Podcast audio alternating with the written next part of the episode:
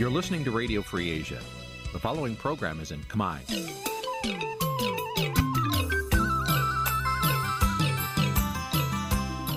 Nǐ chi càm bi tiệp xáy vệt chiu a zì sê ray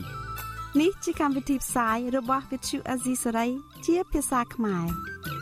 វត្តឈូអាស៊ីសេរីសូមស្វាគមន៍លោកអ្នកនាងទាំងអស់ពីរដ្ឋធានី Washington នៃសហរដ្ឋអាមេរិកចាប់ពីរដ្ឋធានី Washington នាងខ្ញុំម៉ៅសុធានីសូមជម្រាបសួរលោកអ្នកស្ដាប់ទាំងអស់ជាទីមេត្រី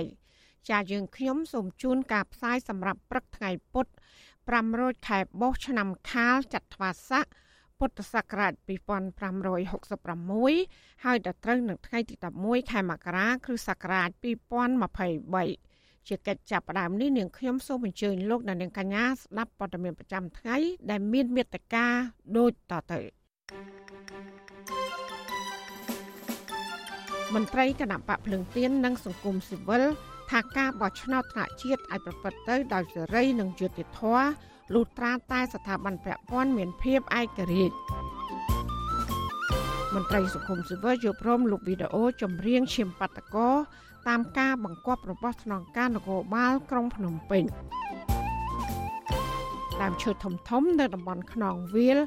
នៃឧឈានជាតិជួរភ្នំក្រវ៉ាញកណ្ដាលកំពុងប្រឈមការកាប់ផ្ដួលពេញទំហឹងមន្ត្រីសង្គមស៊ីវិលស្នើដល់អាជ្ញាធរខេត្តបរសៃហនុបង្កើនការទប់ស្កាត់បទល្មើសអ ுக ្រិតកម្មរួមនឹងព័ត៌មានសំខាន់សំខាន់មួយចំនួនទៀត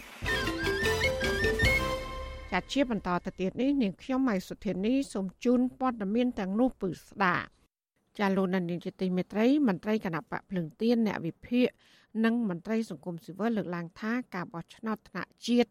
នៅខែកក្កដាខាងមុខអាចប្រព្រឹត្តទៅដោយសេរីត្រឹមត្រូវនិងយុត្តិធម៌លុះត្រាតែស្ថាប័នពាក់ព័ន្ធអនុវត្តច្បាប់រក្សាបាននូវឯករាជ្យភាពរបស់ខ្លួនដោយមិនបំរើឲ្យគណៈបកនយោបាយណាមួយ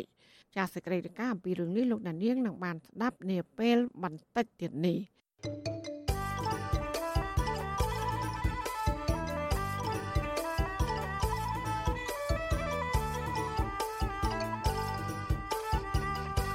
ចាលោកដានីជាទីមេត្រីពាក់ព័ន្ធនឹងមន្ត្រីគណៈបកភ្លើងទៀននៅឯខេត្តបាត់ដំបងឯនោះវិញអធិការនគរបាលស្រុករុក្ខគិរីបានកោះហៅមន្ត្រីបកប្រឆាំងម្នាក់ ចូលខ្លួនបំភ្លឺករណីបង្ហោះដ្រូនដែលបានថតការពីនៅរដូវឃោសនាបោះឆ្នោតក្រុមប្រឹក្សាគុំសង្កាត់កាលពីឆ្នាំ2022កន្លងមកនេះមន្ត្រីសង្គមស៊ីវិលយល់ឃើញថានគរបាលយុតិធធគួរតែធ្វើការដល់ឯករាជ្យនិងពិនិត្យបណ្ដឹងជាក់លាក់ជាមុនសិនមុនចេញលិខិតក៏ហៅបរដ្ឋទៅសាកសួរចាលោកយ៉ងច័ន្ទរារាយការណ៍ព័ត៌មាននេះ មន្ត្រីគណៈបកភ្លើងទៀនរិះគន់សមត្ថកិច្ចស្រុករុក្ខគិរី ថាអនុវត្តការងារដោយលំអៀងទៅគណៈបកកណ្ដាលអំណាចមន្ត្រីគណៈបកភ្លើងទៀនស្រុករុក្ខគិរីលោកលឹមរស្មីប្រាប់វិទ្យុអាស៊ីសេរីនៅថ្ងៃទី10មករាថា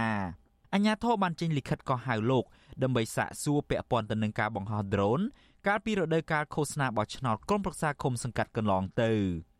លោកថាសប្តាហ៍ថ្ងៃនេះលោកគឺជាក្រុមការងារគណៈបកភ្លើងទៀនស្រុករុក្ខគិរី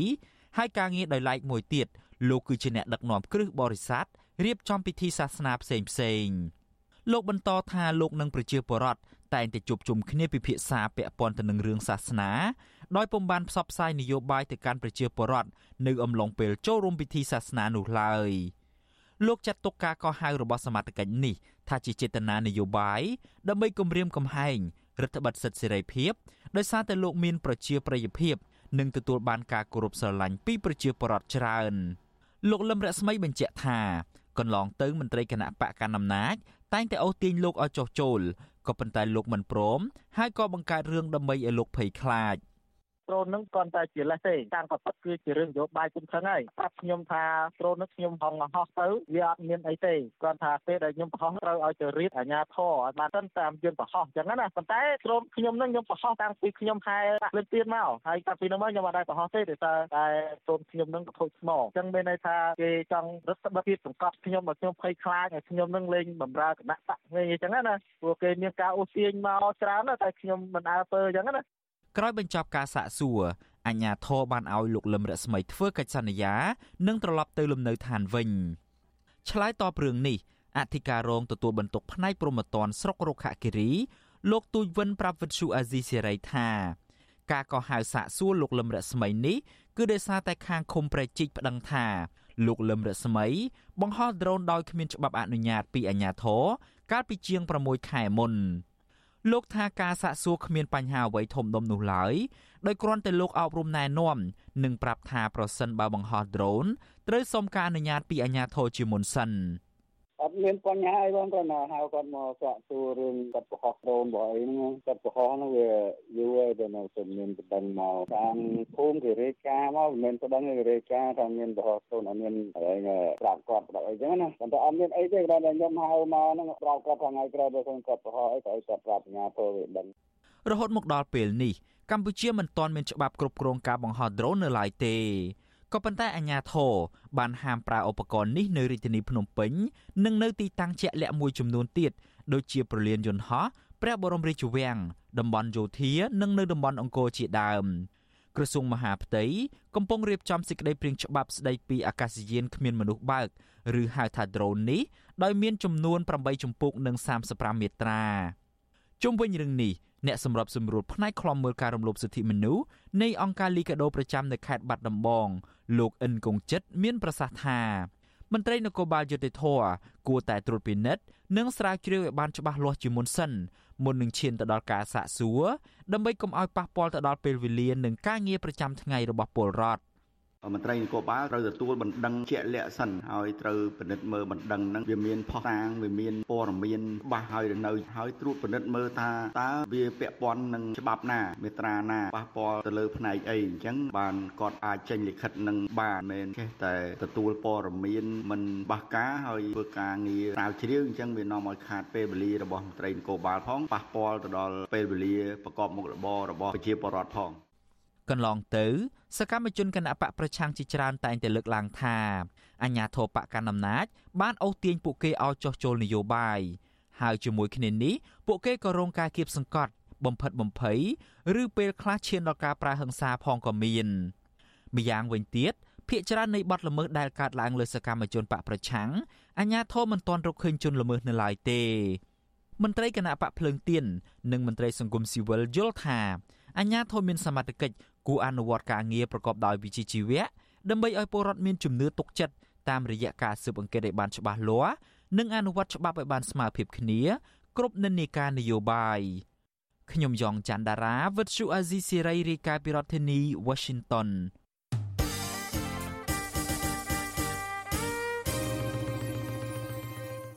ចាលោកដានៀងជាទីមេត្រីការបោះឆ្នោតជ្រើសតាំងតំណាងរាស្ត្រនឹងប្រព្រឹត្តទៅនៅថ្ងៃទី23ខែកក្កដាខាងមុខចាមន្ត្រីគណៈបព្វភ្លើងទៀនអ្នកវិភាគនិងមន្ត្រីសង្គមស៊ីវិលលើកឡើងថាការបោះឆ្នោតថ្នាក់ជាតិអាចប្រព្រឹត្តទៅដោយសេរីត្រឹមត្រូវនិងយុត្តិធម៌លុះត្រាតែស្ថាប័នពាក់ព័ន្ធអនុវត្តច្បាប់ រក្សាបាននៅឯករាជ្យភាពរបស់ខ្លួន ដោយមិនបំរើឲ្យគណៈបកនយោបាយណាមួយ។ ចាលោកទីនសាករាយារាយការណ៍ព័ត៌មាននេះមន្ត្រីគណៈបកប្រឆាំងនិងមន្ត្រីអង្គការសង្គមស៊ីវិលលើកឡើងថាក្រសួងពាក់ព័ន្ធគួរតែបែងចែកឲ្យដាច់ពីគ្នាពីទូនាទីនៅក្នុងជួរគណៈបកនយោបាយនិងជាអាជ្ញាកណ្ដាលដែលទទួលខុសត្រូវដើម្បីរៀបចំការបោះឆ្នោតជាពិសេសរក្សាឯករាជ្យភាពរបស់ខ្លួនដើម្បីធ្វើឲ្យការបោះឆ្នោតជ្រើសតាំងតំណាងរាស្ត្រនីតិកាលទី7ឆ្នាំ2023ប្រព្រឹត្តទៅដោយសេរីត្រឹមត្រូវនិងយុត្តិធម៌ មន្ត្រីជាន់ខ្ពស់គណៈបកភ្លើងទៀនលោកកុងម៉ូនីកា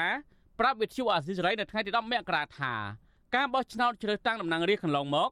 លោកសង្កេតឃើញមានភាពមិនប្រក្រតីមួយចំនួន បង្កជាការគំរាមកំហែងបំផិតបំភ័យឬទិញទឹកចិត្តបេក្ខជន និងម្ចាស់ឆ្នោតដែលបណ្ដាលឲ្យការបោះឆ្នោតប្រព្រឹត្តទៅគ្មានភាពត្រឹមត្រូវសេរីនិងយុត្តិធម៌លោកបន្តថាបញ្ហាទាំងនោះអាចកែប្រែបានលុះត្រាតែស្ថាប័នឯករាជ្យដែលពាក់ព័ន្ធជាពិសេស គណៈកម្មាធិការជាតិរៀបចំការបោះឆ្នោតនិងក្រសួងមហាផ្ទៃចូលរួមអនុវត្តច្បាប់ដោយឃ្លាំមើលតាមដានមន្ត្រីថ្នាក់ក្រោមនិងការពារសវត្ថិភាពដល់ជនគ្រប់រូបដោយមិនប្រកាន់និន្នាការនយោបាយខ្ញុំ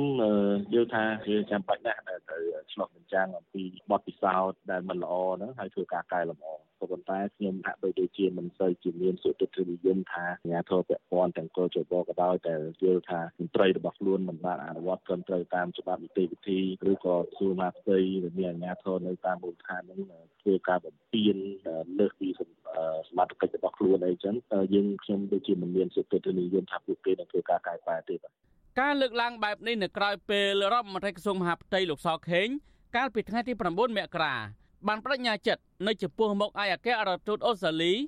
លោកប៉ាផ្លូកាងថានឹងធានាឲ្យបាននៅសន្តិសុខសម្រាប់ការបោះឆ្នោតនាពេលខាងមុខដោយគ្មានអំពើហិង្សានិងប្រព្រឹត្តទៅដោយសេរីដែលមានការសហការជាមួយគ្រប់ភាគីពាក់ព័ន្ធជាពិសេសគណៈកម្មាធិការជាតិរៀបចំការបោះឆ្នោតកោជបរដ្ឋាភិបាលបានកំណត់យកថ្ងៃអាទិត្យទី23ខែកក្កដាជាកាលបរិច្ឆេទការបោះឆ្នោតជ្រើសតាំងតំណាងរាស្ត្រនីតិកាលទី7ឆ្នាំ2023 តែទៅនឹងបញ្ហានេះនិវិភាននយោបាយលោកកំសុកយល់ឃើញថាលោកសខេងពុំចាំបាច់ចេញមុខបដិញ្ញាចិត្តបែបនេះឡើយដោយលោកគ្រាន់តែរក្សាឯករាជ្យភាពអព្យាក្រឹតភាពនិងអនុវត្តតាមច្បាប់ជាការស្រេចលោកពន្យល់ថាលោកសខេងត្រូវចាត់វិធានការតាមផ្លូវច្បាប់ទៅលើគណៈបកនយោបាយឬអ្នកនយោបាយណាដែលរំលោភច្បាប់និងបំពានខ្លឹមសាររដ្ឋធម្មនុញ្ញ ឧទាហរណ៍លោកហ៊ុនសែនប្រកាសកំទេចគូប្រជែងនយោបាយរបស់ខ្លួនព្រមានតាមវាយគេដល់ផ្ទះជាដើមចាប់ផ្ដើមចាត់ការលោកហ៊ុនសែនតែម្ដងទៅទុកជាគំរូដើម្បីអនុវត្តការបដិញ្ញាចិត្តរបស់លោកសខេងនោះវិទ្យុអសិរ័យមិនអាចតកតងអ្នកនាំពាក្យគណៈកម្មាធិការជាតិរៀបចំការបោះឆ្នោតហៅកាត់ថាកោជបលហុងពុធានិងអ្នកនាំពាក្យក្រសួងមហាផ្ទៃលោកខៀវសុភ័ក្រដើម្បីសុំការបំភ្លឺជំវិញនឹងរឿងនេះបានទេនៅថ្ងៃទី10មករា កាលពីថ្ងៃទី7មករាក្នុងពិធីខួបលើកទី44នៃថ្ងៃជំនះ7មករាលោកហ៊ុនសែនបានអំពាវនាវដល់អាជ្ញាធរគណៈបកនយោបាយនិងអង្គការសង្គមស៊ីវិលត្រូវរួមគ្នាធ្វើយ៉ាងណាឲ្យការបោះឆ្នោតជ្រើសតាំងតំណាងរាស្ត្រនីតិកាលទី7ខាងមុខប្រព្រឹត្តទៅដោយសេរីត្រឹមត្រូវនិងយុត្តិធម៌ប៉ុន្តែការលើកឡើងរបស់លោកហ៊ុនសែននេះហាក់មិនស្របទៅនឹងទង្វើរបស់លោកឡើយគណៈលោកបានបំពេញច្បាប់បោះឆ្នោតជាច្រើនដងដោយយកទូនាទីរដ្ឋនិងថវិកាជាតិ ប្រើប្រាស់ដើម្បីឃោសនារកការគ្រប់គ្រងជាពិសេសលោកហ៊ុនសែននៅតែបន្តគម្រាមកំហែងរំអស់អចលនទ្រព្យឬទ្រព្យសម្បត្តិរបស់គណៈបកប្រឆាំងណាដែលហ៊ាននិយាយពីភាពមិនប្រក្រតីនៃដំណើរការបោះឆ្នោតនោះ ជាឧទាហរណ៍លោកបានប្តឹងអនុប្រធានគណៈបកភ្លើងទៀនលោកសំឆៃកាលពីខែមិថុនាឆ្នាំ2022ពីបទបរិហាកេរជាសាធារណៈនិងទាមទារសំណងជំងឺចិត្តប្រមាណជា1លានដុល្លារនិងគម្រាមប្តឹងរឹបអូសផ្ទះទីប្រឹក្សាគណៈបកភ្លើងទៀនលោកកងគំ ថែមទៀតផងទាក់ទិននឹងរឿងនេះអ្នកសម្រាប់សម្រួលផ្នែកអង្គការនៃអង្គការឃ្លាំមើលការបោះឆ្នោត Confrere លោកកនសវាងយល់ឃើញថាដំណើរការបោះឆ្នោតថ្នាក់ជាតិប្រព្រឹត្តទៅដោយស្មារតីសេរីនិងយុត្តិធម៌បានលុះត្រាតែស្ថាប័នរៀបចំការបោះឆ្នោតកោជបប្រកាន់ភ្ជាប់នៅគោលចំហអព្យាក្រឹតមិនស្ថិតក្រោមឥទ្ធិពលគណៈបកនយោបាយលោកបន្តថាដើម្បីធានាបាននៅសន្តិសុខគ្មានការគំរាមកំហែងដល់ប្រជាពលរដ្ឋម្ចាស់ឆ្នោត គោចបគួរតែបើកឲ្យមានក្រុមអ្នកសង្កេតការមកពីបណ្ដាអង្គការអន្តរជាតិដល់ឯករាជ្យចុះមកសង្កេតការនិងវិតម្លៃពីស្ថានភាពទូទៅក្នុងអំឡុងថ្ងៃបោះឆ្នោតនាពេលខាងមុខ ការបែងចែកតួនាទីគណៈបកនយោបាយហ្នឹងគឺថាត្រូវការចាំបាច់ណាស់ហើយរដ្ឋាភិបាលគឺផ្សេងមន្ត្រីរាជការហ្នឹងมันបានបែងចែកឲ្យមានភាពច្បាស់លាស់ទេអាហ្នឹងវាមិនអាចសើទេតើតែវាមានឯករាជ្យភាពឲ្យបានច្បាស់លាស់នៅក្នុងការចូលរួមនៅក្នុងសកម្មភាពហ្នឹងអាហ្នឹងទើបបាទវាអាចបានហើយកន្លងមកយើងឃើញហើយថាទោះបីធានាប៉ុណ្ណាប៉ុន្តែអាភាពបារម្ភភ័យខ្លាចហ្នឹងវានៅតែមានហើយអាហ្នឹងដែលត្រូវការដោះស្រាយ ទោះជាយ៉ាងណាការបោះឆ្នោតជ្រើសរើសក្រុមប្រឹក្សាឃុំសង្កាត់អាណត្តិទី5កាលពីខែមិថុនាឆ្នាំ2022កន្លងទៅគណៈបកប្រជាជនកម្ពុជាដ៏ឈ្នះឆ្នោតនាំមុខគណៈបកផ្សេងផ្សេងនោះបានលើកឡើងថាការបោះឆ្នោតនេះប្រព្រឹត្តទៅដោយសេរីស្មើភាព និងយុត្តិធម៌ប៉ុន្តែគណៈបកប្រឆាំងនៅអង្គការសង្គមស៊ីវិលបារកឃើញភាពមិនប្រក្រតីជំវិញនឹងការបោះឆ្នោតនេះជាច្រើនដូចជាការបំពានដានសមត្ថកិច្ចរបស់អាជ្ញាធរភូមិឃុំលើស្ថាប័នរៀបចំការបោះឆ្នោត ការគម្រិតកំហែងលើបេក្ខជនគណបកប្រឆាំងការរាប់សម្លឹកឆ្នោតពំបានធ្វើដោយចំហនិងមានអាជ្ញាធរដើរឆ្លងឈ្មោះបរដ្ឋតាមផ្ទះនិងដាក់តុអង្គុយចាំកត់ឈ្មោះប្រជាពលរដ្ឋដែលបានទៅបោះឆ្នោតជាដើមខ្ញុំធីនសាការីយ៉ាស៊ីសេរីប្រធានីវ៉ាស៊ីនតោនលោកនាងកញ្ញាកំពុងស្ដាប់ការផ្សាយរបស់វិទ្យុអស៊ីសេរីផ្សាយចេញពីរដ្ឋធានី Washington ពាក់ព័ន្ធនឹងវីដេអូបទចម្រៀងឈាមបាតកោវិញមន្ត្រីសង្គមស៊ីវិល2នាក់ទៀតបានចូលបំភ្លឺនៅស្នងការដ្ឋាននគរបាលរាជធានីភ្នំពេញ កាលពីថ្ងៃទី10ខែមករាម្សិលមិញសមត្ថកិច្ចបន្តដាក់សម្ពាធដល់មន្ត្រីសង្គមស៊ីវិលឲ្យលុបវីដេអូបទចម្រៀងនេះចេញពីបណ្ដាញសង្គមរបស់អង្គការសង្គមស៊ីវិលទាំងនោះដោយអះអាងថាវីដេអូនោះធ្វើឲ្យប៉ះពាល់ដល់សង្គម ប៉ុន្តែមន្ត្រីសង្គមស៊ីវិលថាវីដេអូចម្រៀងនោះ គឺมันមានការញុះញង់អ្វីទេគ្រាន់តែបង្ហាញការពិតចាសសេចក្តីរាយការណ៍ពីស្ដាមពីរឿងនេះលោកនាងនឹងបានស្ដាប់នាពេលបន្តិចទៀតនេះចាលោកនាងកញ្ញាកំពុងស្ដាប់ការផ្សាយរបស់វិទ្យុអសីសេរីផ្សាយចេញពីរដ្ឋធានី Washington ជាដំណើរគ្នានឹងស្ដាប់ការផ្សាយរបស់វិទ្យុអសីស្រីតាមបណ្ដាញសង្គម Facebook និង YouTube លោកអ្នកនាងកញ្ញាក៏អាចស្ដាប់ការផ្សាយរបស់វិទ្យុអសីស្រី តាមរយៈរលក ធាតុអាកាសខ្លីឬ Short Wave តាមកម្រិតនិងកម្ពស់ដូចតទៅចាប់ពេលព្រឹកចាប់ពីម៉ោង5កន្លះដល់ម៉ោង6កន្លះតាមរយៈប៉ុស SW 9.39 MHz ស្មើនឹងកម្ពស់32ម៉ែត្រនិងប៉ុស SW 11.85 MHz ស្មើនឹងកម្ពស់25ម៉ែត្រ ចាសសម្រាប់ពេលយប់វិញចាប់ពីម៉ោង7កន្លះដល់ម៉ោង8កន្លះតាមរយៈប៉ុស SW 9.39 MHz ស្មើនឹងកម្ពស់32ម៉ែត្រប៉ុស SW 11.88 MHz ស្មើនឹងកម្ពស់25ម៉ែត្រនិងប៉ុស SW 15.15 MHz ស្មើនឹងកម្ពស់ 20m ចាសសូមអរគុណ លោកនានីជាទីមេត្រីក្រុមមេដឹកនាំមកពីបណ្ដាប្រទេសក្នុងតំបន់មេគង្គអំពាវនាវឲ្យមានដំណោះស្រាយថ្មីថ្មីប្រកបដោយការច្នៃប្រឌិត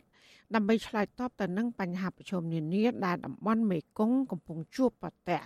ការអំពាវនាវនេះធ្វើឡើងនៅក្នុងកិច្ចប្រជុំប្រចាំឆ្នាំរបស់គណៈកម្មការទន្លេមេគង្គ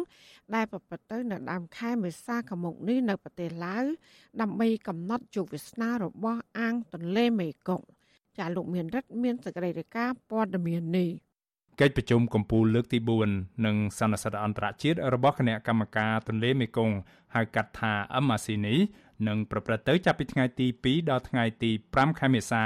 នៅទីក្រុងវៀងច័ន្ទនៃប្រទេសឡាវក្រុមមេដឹកនាំមកពីប្រទេសចំនួន4នៅក្នុងក្របខ័ណ្ឌតំបន់ MRC ក្នុងនោះរួមមានកម្ពុជាឡាវថៃនិងវៀតណាមត្រូវបានគេរំពឹងថានឹងចូលរួមកិច្ចប្រជុំកំពូលនេះ ដើម្បីស្វែងរកដំណោះស្រាយលើបញ្ហាប្រឈមនានាដើម្បីកំណត់ជោគវាសនារបស់អាងទន្លេមេគង្គកិច្ចប្រជុំកំពូលនេះធ្វើឡើងស្របពេលដែលអាងទន្លេមេគង្គកំពុងប្រឈមនៅបញ្ហាសំខាន់សំខាន់មួយចំនួនបណ្ដាលមកពីកត្តាមនុស្សដោយសារតែការអភិវឌ្ឍនិងការសាងសង់ទំនប់វារីអគ្គិសនីដ៏សម្បើមនៅតាមប្រទេសមួយចំនួននៅខ្សែទឹកខាងលើនៃទន្លេមេគង្គជាពិសេសគឺប្រទេសចិន និងកត្តាប្រែប្រួលអាកាសធាតុ បញ្ហាប្រឈមទាំងនេះអាចនឹងបណ្ដាលឲ្យតំបន់មេគង្គទាំងមូលត្រូវប្រឈមនឹងវិបត្តិសន្តិសុខទឹក សន្តិសុខស្បៀងដែលអាចឈានទៅដល់ចំនួនដណ្ដើមទឹកគ្នាប្រើប្រាស់រវាងប្រទេសចិននិងប្រទេសតាមខ្សែទឹកខាងក្រោមប៉ះសិនបើគ្មានដំណោះស្រាយជាក់លាក់នៅក្នុងរយៈពេលប្រមាណឆ្នាំទៅមុខទៀតនោះទេគណៈកម្មការទន្លេមេគង្គឬ MRC ឲ្យដឹងតាមរយៈសេចក្តីប្រកាសព័ត៌មានមួយផ្សាយកាលពីថ្ងៃទី10ខែមករាម្សិលមិញថា ប្រមុខរដ្ឋាភិបាលមកពីប្រទេសសមាជិកទាំង4របស់គណៈកម្មការទន្លេមេគង្គនិងគណៈប្រតិភូជាន់ខ្ពស់មកពីប្រទេសជាដៃគូសន្តានារបស់ MRC ពលគឺចិននិងមីយ៉ាន់ម៉ាឬភូមានឹងបើកកិច្ចប្រជុំកំពូលមួយនៅដើមខែមេសាខាងមុខដើម្បីកំណត់ជោគវាសនារបស់អាងទន្លេមេគង្គ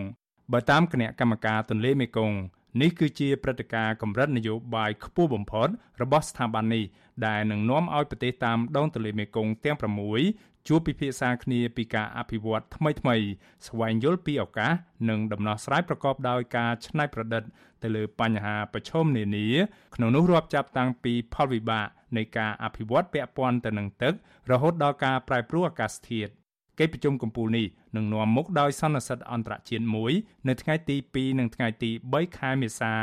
ដែលនឹងពិភាក្សាជុំវិញប្រធានបទនវានុវត្តន៍និងកិច្ចសហប្រតិបត្តិការសម្រាប់សន្តិសុខទឹកនិងទន្លេមេគង្គប្រកបដោយចីរភាព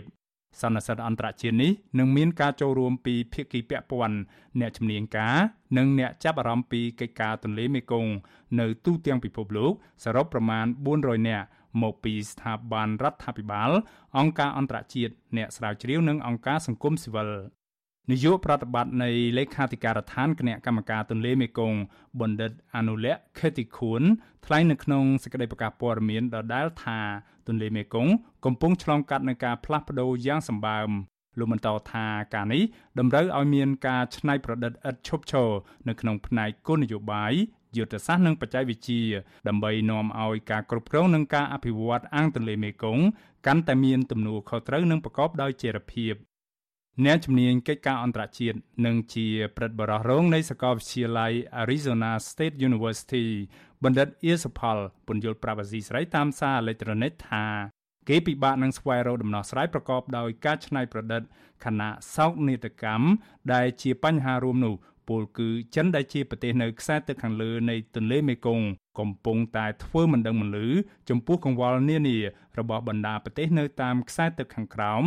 ឬក៏មិនព្រមធ្វើការជាមួយប្រទេសនៅតាមខ្សែទឹកខាងក្រោមមួយចំនួនក្នុងការទទួលយកគោលនយោបាយរបស់ប្រទេសទាំងនោះតាក់ទងនឹងដំណោះស្រាយចំពោះទន្លេមេគង្គ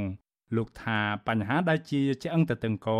ចម្បងបំផុតនោះ គឺគេមិនអាចគ្រប់គ្រងទន្លេមេគង្គបានទេប្រសិនបើគ្មានការចូលរួមពីភាគីចិន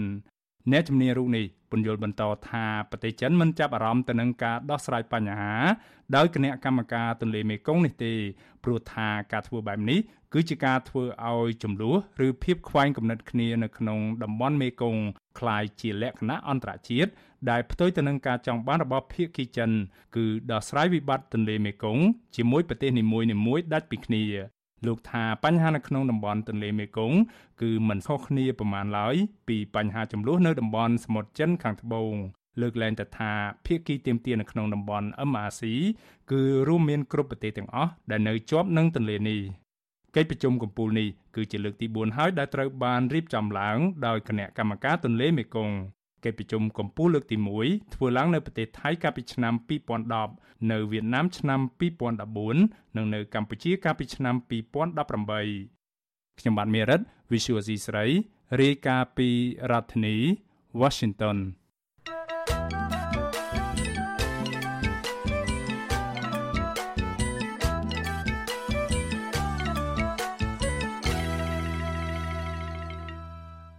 ចាលោកនានីជាទីមេត្រីក្រុមគឧតកោនៃក្រុមហ៊ុនបនលបែងកាស៊ីណូ Naga World ប្រមាណ50នាក់កាលពីព្រឹកថ្ងៃទី10ខែមករាម្សិលមិញ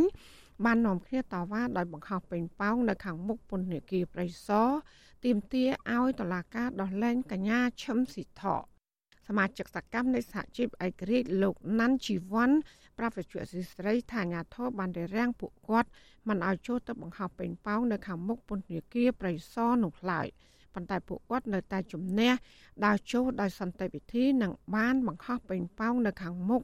មណ្ឌលអប់រំកែប្រែម៉ូពីពីព្រោះពួកគាត់យល់ឃើញថានេះមិនមែនជារឿងខុសច្បាប់នោះឡើយ។ គឺពួកខ្ញុំប្រហែលទៅប៉ុណ្្នឹងគឺដូចជាអត់មានប៉ះពាល់អីទៅដល់ផ្លូវសាធារណៈនិងប៉ះពាល់ទៅដល់ខាងពន្ធនាគារទេប៉ុន្តែបែរជាពួកគាត់ហាមឃាត់អញ្ចឹងបានន័យថាផ្ទិតនៅក្នុងការបញ្ចេញមតិរបស់ពលរដ្ឋនៅក្នុងប្រទេសកម្ពុជាហ្នឹងឥឡូវនេះសូម្បីតែយើងធ្វើការបញ្ចេញមតិមានការហាមឃាត់របៀបថា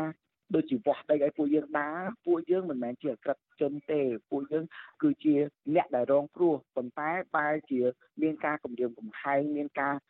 បិទទឹកសេរីភាពរបស់ពួកយើងតែមិនមិនសេរីភាពក្នុងការបញ្ចេញមតិសេរីភាពក្នុងការតបគឺត្រូវបានបិទទឹកពីសំណាក់អាជ្ញាធរជុំវិញរឿងនេះមន្ត្រីជាន់ខ្ពស់សមាគមសិទ្ធិមនុស្សអាត់ហុកលោកជីសុកសានមានប្រសាសន៍ថាការគម្រាមកំហែងគឧតកោមិនអោយបង្ហោះពេញប៉ោងនេះគឺជាការបំបិតសិទ្ធិសេរីភាព ក្នុងការបញ្ចេញមតិលោកថាដសាតកម្ពុជាមិនបានបើកលំហសិទ្ធិសេរីភាពនេះហើយទៅនារយៈពេលប្រមាណឆ្នាំចុងក្រោយនេះ ត្រូវបានសហភាពអឺរ៉ុបកាត់ប្រព័ន្ធអនុគ្រោះពន្ធ EBA និងត្រូវបានប្រទេសជាច្រើនថ្កោលទោសកម្ពុជា ថាកំពុងឈានទៅរកបែបលទ្ធិផ្ដាច់ការមានន័យថាការបញ្ចេញមតិការលើកបដាការទៀមទាការបង្ហោះពេនប៉ោងទាំងអស់នេះអាញាធរបើចាត់ទុកថាខ្លួននៅក្នុងរបបប្រជាធិបតេយ្យមានន័យថាការពៀពួកគាត់ឲ្យពួកគាត់មានឱកាសក្នុងការ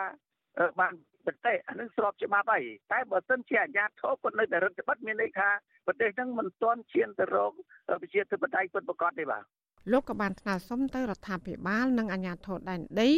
យបើកលំហសិទ្ធិនិងទម្លាក់ប័ណ្ណចោតលើពួកកម្មករទាំងនោះ កញ្ញាឈឹមសិទ្ធត្រូវបានអាជ្ញាធរក្រុងភ្នំពេញចាប់ខ្លួននិងបញ្ជូនទៅពន្ធនាគារប្រៃសណបន្ទាប់ពីកញ្ញាបានវិលត្រឡប់ ពីការចូលរួមកិច្ចប្រជុំនៅប្រទេសអូស្ត្រាលី កាលពីថ្ងៃទី26ខែវិច្ឆិកាឆ្នាំ2022ក្រុមគឧតកោថាពួកគាត់នឹងបន្តការទៀមទាស្ត្រីភាពនិងទៀមទាឲ្យតកែក្រុមហ៊ុនកាស៊ីណូ Naga World ដោះស្រាយវិវាទការងារដ៏រ៉ាំរ៉ៃនេះដែលបានអូសបន្លាយរយៈពេលជាង1ឆ្នាំមកហើយ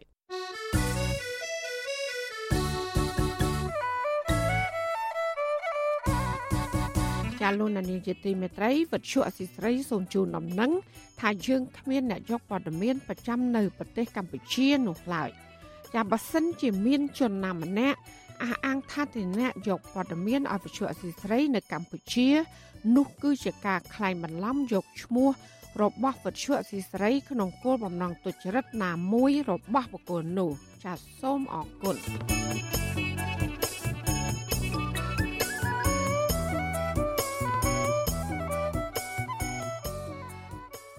ចាលោកដានីលជាទីមេត្រីពជាសហគមន៍នៅខេត្តកំពង់ស្ពឺឯនោះវិញ ស្ដាយស្រណោះដើមឈើធំធំ ដែលភាគច្រើនជាប្រភេទដើមមរិញឬរាជកុលដែលភ្ញៀវទេសចរតែងតែឡើងភ្នំបោះតង់ថតរូបនិងគយគន់ទេសភាពនៅតំបន់ខ្នងវាល បន្តប្រឈមការកាប់ផ្ដួលធ្វើអាជីវកម្មពជាសហគមន៍លើកឡើងថាមរតកធម្មជាតិទាំងនេះ គឺផ្ដល់ប្រយោជន៍ច្រើនណាស់ដល់វិស័យទេសចរនិងជាជំរកដ៏សំខាន់របស់សត្វព្រៃដែលនៅតែហិនហោចជាបន្តបន្ទាប់ចានេះគឺជាសកម្មភាពរបស់លោកសនច័ន្ទរដ្ឋាជំវិញព័ត៌មាននេះប្រជាសកម្មការពីប្រៃឈើក្នុងវាលនៅឃុំតាសាលស្រុកអរ៉ាល់ស្នើសុំកិច្ចអន្តរាគមន៍បន្តមួយដើម្បីបញ្ឈប់សកម្មភាពកាប់បំផ្លាញព្រៃឈើធំធំតាមបណ្ដោយចង្កេះភ្នំខ្នងវាលភ្នំធំនិងខ្នងក្រពើ រមៀលចុះក្រោមដោយប្រើកម្លាំងមនុស្សច្រើនអ្នកនៅរទេសគោអ្នកភូមិថាដើមឈើតំបន់នោះភាគច្រើនដើមរិញឬរីកុលឈើទាលកុកីនិងផ្ចឹកជាដើមមកកាត់ប្រាំទឹកឡើងទៅដុះតាមចលងភ្នំខ្ពង់រាបខ្នងភ្នំចង្កេះភ្នំហើយឈើខ្លះទៀតដុះតាមជម្រាលភ្នំដែលពិបាកនឹងកាប់រលំអូសចុះក្រោមក៏ប៉ុន្តែពេលនេះក្រមជលមើមានមធ្យោបាយអាផ្ដួលឈើទៅនេះទាញចុះក្រោមបាននៅងាយប្រជាសកម្មការពារព្រៃឈើក្នុងវាលលោកស្រីខុនណៃ ប្រាវិជូស៊ីសេរីថ្ងៃទី10ខែមករាថាបច្ចុប្បន្នអ្នកកាប់ឈើច្រាំងក្រមបន្តបោះតង់ក្នុងព្រៃដោយមានរណាយន្តរទេះគោនិងខ្សែពួរជាមធ្យោបាយកាប់បំផ្លាញព្រៃឈើធ្វើជីវកម្មរាជឆ្មាំអភិរក្សរបស់ក្រសួងបរិស្ថានមិនបានបង្ក្រាបសកម្មភាពកាប់បំផ្លាញព្រៃឈើទៅនេះទេលោកស្រីបញ្ជាក់ថាក្រុមអាឈើភេច្រើនមកពីខេត្តកំពតមានជំនាញទាញឈើពីលើភ្នំចក្រោមដោយប្រើរទេះគោយ៉ាងហោចណាស់5នឹមក្នុងមួយថ្ងៃមួយថ្ងៃដើម្បីអូសឈើចក្រោម ដោយមានគោយន្តចាំដឹកជញ្ជូនបន្តចេញក្រៅកា ត់ទៅរំរិញឡើងទៅដល់កលែងចង់ទៅដល់លេងទីចោដើរលេងនោះបាត់ហ្នឹងព្រៃកាត់រងកាត់ខ្លាំងហុកខ្លាំងហ្មងអឺមានជន់ត្រយខ្លាំងអាខ្លាំងបចេញទៅដឹកចឹងទៅរាល់ថ្ងៃពីយប់យប់ពីល្ងាចបានចុះមកដឹកមកទៅប៉ះពាល់ខ្លាំងតែដល់តែទីចោព្រោះអីខាងគ្នាក៏ទៅដើរលេងទៅដូចថាមានព្រៃឈើគួយគុនចឹងទៅបើឃើញវាប្រកបឈើឃើញគេកាត់ពេញទៅព្រៃហើយណាមួយប៉ះពាល់ខ្លាំងមែនទែនរឿងកាត់ព្រៃ ប្រជាសកម្មក្នុងវាបន្ថែមថាបលមើព្រៃឈើទៅនេះបន្តកើតមានច្រើននៅរយៈពេល3ខែចុងក្រោយដែលធ្វើដាំឈើធំធំនៅចំណុចភ្នំធំនិងឈើដុះតាមដងផ្លូវលើក្នុងវាលដែលជាចម្រោះសំខាន់របស់សត្វព្រៃបន្តវិនិច្ឆ័យហិនហោចអស់អ្នកភូមិចាត់ទុកថាបលមើព្រៃឈើទៅនេះកំពុងបំផ្លាញប្រាក់ចំណូលរបស់សហគមន៍តាមរយៈវិស័យទេសចរក្នុងតំបន់ហើយបំផ្លាញទេសភាពដ៏ស្រស់បំព្រងដែលបរិវត្តតែងតែថតរូបបង្ហោះអួតសម្រស់ធម្មជាតិនៅទីនោះលោកស្រីខុនណៃ បន្ថែមថាក្រុមជំនឿប្រារតេកោជំនួសគោយន្តដោយសារផ្លូវឡើងភ្នំបាត់បានច្រើនចំណែកឆ្មាំអភិរក្សរបស់ក្រសួងបរិស្ថានយូរយូរឃើញចលបាព្រៃម្ដងម្កាលដោយមិនបានទប់ស្កាត់បលល្មើសព្រៃឈើទៅនេះទេលោកស្រីបញ្ជាក់ថាក្រុមអ្នកកាប់ឈើប្រាប់ប្រសហគមន៍ថាគាត់អាចចូលព្រៃអាឈើបានដោយត្រូវបង់ប្រាក់ឲ្យមន្ត្រីបរិស្ថានក្នុងមួយខែ1លានរៀលជាធ្នូមិនអនុវត្តច្បាប់ ព្រោះអីតែគូវាស្រួលហើយគូវាដើរឡើងអុយគូអូគូអីយ៉ាងទៅវាស្រួលបើមិនដូចគូយឹមយើងឡើងស្រួលមិនស្រួលវាកន្លះចូលជ្រោះចូលអាងអីចឹងទៅតែគូហ្នឹងគឺវាឆ្លូវហើយស្រួលបកទៅឡើងខ្នងឈឺហូតណាក៏យកបានដែរអូបានដែរឆ្លើយតបរឿងនេះអភិបាលខេត្តកំពង់ស្ពឺលោកវីសំណាងមានប្រសាសន៍យ៉ាងខ្លីថាមិនទាន់បានទទួលដំណឹងពីការកាប់ឈើនៅតំបន់ខ្នងវាលនៅឡើយទេតែទោះបីជាយ៉ាងណាលោកនឹងចាត់អមន្ត្រីជំនាញពិនិត្យរឿងនេះដោយសារព្រៃតំបន់នោះ ជាកន្លែងអភិរក្សដែលត្រូវការពារអរគុណបានផ្ដល់ព័ត៌មានមកខ្ញុំនឹងចាត់វិធានការតឹងរឹងជុំវិញរឿងនេះមន្ត្រីសង្គមសវត្ថចង្កេរីនីមើលឃើញថាសកម្មភាពកាប់ឈើមានតម្លៃជាងពីរបបអាស៊ានជាតិជួបភ្នំក្វាញ់កដានៅកើតមានច្រើនមិនឃើញមានមន្ត្រីជំនាញចុះបង្ក្រាបឲ្យមានប្រសិទ្ធភាពយូរវែងទេប្រធានអង្គការប្រឆាំងពើពលលួយទប់ស្កាត់ធនធានធម្មជាតិនិងការពារសិទ្ធិពលរដ្ឋលោកជាហ៊ានបញ្ជាក់ថាពលរដ្ឋធ្លាប់ចលបាព្រៃនៅតំបន់នោះលើសម្លេងរណាយន្តត្រហឹងពេញព្រៃ រាជមន្ត្រីជំនាញតែអង្គុយសំកក់នៅទីស្នាក់ការចាំទទួលយកលុយពីអ្នកដាច់ឈើគឺជាទម្លាប់ដដែលដែលគ្មានយន្តការទប់ស្កាត់ទេលោកថាទង្វើនេះជាទម្លាប់អាក្រក់បំផ្លាញធនធានធម្មជាតិដែលរដ្ឋាភិបាលគួរកែតម្រូវ។ មន្ត្រីឧស្សាហនរៈបរិស្ថានគឺមានស្នាក់ការរងប្រចាំតាមគោលដៅប៉ុន្តែតាមគោលដៅនីមួយៗបើតាមខ្ញុំសង្កេតឃើញថាអត់មានការបង្ក្រាបទេគាត់អង្គុយចង់រឹងចាំយកទៅលុយយើងអ្នកទៅចម្ងាយពីចម្ងាយដូចជាផ្លាយគឺមិនឲ្យចូលតែម្ដងយើងនៅរឹងទៅទិញចូលគាត់នឹងរៀបការជូនថ្នាក់លើដើម្បីធ្វើការខាត់ខ្លួននៅលើផែនទីឧទ្យានជាតិជួរភ្នំកវាញ់កដាលមានផ្ទៃដីទំហំជាង4សែតាគ្រប់ដណ្ដប់ខេត្តចំនួន3 គឺខេត្តកកុងពោធិ៍សាត់និងខេត្តកំពង់ស្ពឺឧទ្យានជាតិនេះទទួលស្គាល់ដោយអនុក្រឹត្យរបស់រដ្ឋាភិបាលកាលពីឆ្នាំ2016តាមសំណើរបស់ក្រសួងបរិស្ថានចំណែកអង្គការឃ្លាំមើលព្រៃឈើពិភពលោក Global Forest Watch រកឃើញថាគម្របព្រៃឈើជាង140,000តាឬ8.6%ត្រូវបានបាត់បង់ក្នុងតំបន់ជួរភ្នំក្រវាញចន្លោះពីឆ្នាំ2001ដល់ឆ្នាំ2019ខ្ញុំសនចាររថាវិទ្យុអេស៊ីសេរីរាយការណ៍ពីរដ្ឋធានីវ៉ាស៊ីនតោន ចាលោកនាយកជាទីមេត្រីដែលឡាយតាក់ទងនឹងបាត់ល្មើសអក្រិតកម្មនៅខេត្តបរសៃអនុមន្ត្រីសង្គមស៊ីវិលស្នើដល់អាជ្ញាធរខេត្តនេះគួរបង្កើនការទប់ស្កាត់បាត់ល្មើសអក្រិតកម្មក្នុងគ្រាដែលរដ្ឋាភិបាលបានប្រកាសស្វាគមន៍ភ្ញៀវទេសចរចិនឲ្យចូលកម្ពុជាវិញការស្នើនេះដោយសារតែពួកគាត់មើលឃើញ ថាកន្លងទៅជនជាតិចិនមួយចំនួននៅក្រុងបរសៃអនុ តែងកាន់កំភ្លើងបាញ់បោះដោយសេរី និងខ្លះចូលធ្វើអាជីវកម្មបែបលៀងលួយកខ្វក់ចាមេប៉ូលីសខេត្តបរសៃអនុអះអាង ថាលោកនឹងបដិញ្ញាបង្ក្រាបជនបរទេសណា ដែលមិនគោរពច្បាប់កម្ពុជា ចាលោកសេកបណ្ឌិត មានសេចក្តីរាយការណ៍ជំវិញព័ត៌មាននេះដូចតទៅសង្គមស៊ីវិលលើកឡើងថាការដែលរដ្ឋាភិបាលទទួលស្វាគមន៍ ដោយគ្មានលក្ខខណ្ឌតឹងរឹងសម្រាប់ជនជាតិចិនចូលមកកម្ពុជាក្នុងគោលដៅជំរុញសេដ្ឋកិច្ចយ៉ាងណាក្តីក៏ប៉ុន្តែរដ្ឋាភិបាលមិនគួរមើលរំលងឬគ្មានចំណាត់ការមើងម៉ាត់លើជនជាតិចិនមួយចំនួន ដែលពួកគេមកកម្ពុជា ក្នុងគោលដៅរកស៊ីបែបលៀងលួយកខ្វក់និងបង្កអសន្តិសុខដល់សង្គមកម្ពុជានោះទេ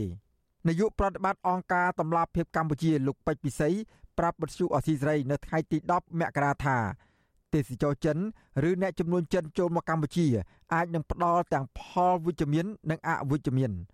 លោកយល់ថាការដែលរដ្ឋាភិបាលបើកទូលាយផ្ដល់ឲ្យជនជាតិចិនចូលមកកម្ពុជាដោយសេរីបែបនេះការវិនិយោគលើវិស័យមួយចំនួនដូចជា វិស័យសេវាកម្មទេសចរអចលនទ្រព្យនិងសន្តាគារជាដើម អាចងើបឡើងវិញ